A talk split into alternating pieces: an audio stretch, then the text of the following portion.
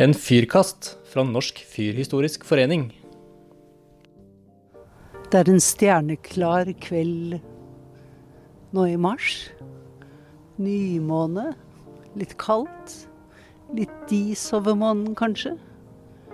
Og jeg sitter ytterst på Sørenga bad og ser utover fjorden. Og hva er det jeg ser etter? Jo, det er alle disse lyktene. Jeg kan telle ti til sammen. Fyrglimt. Per Roger Lauritzen. Og jeg tenkte på deg når jeg satt ytterst på Sørenga, fordi at eh, ti lykter kan jeg altså se hjemmefra. Mm, og hvorfor tenkte du på meg da? Nei, for du har skrevet en bok. Ja, jeg har nok først og fremst skrevet om de som, av de de lysa du ser som har vært bemanna fyrstasjoner.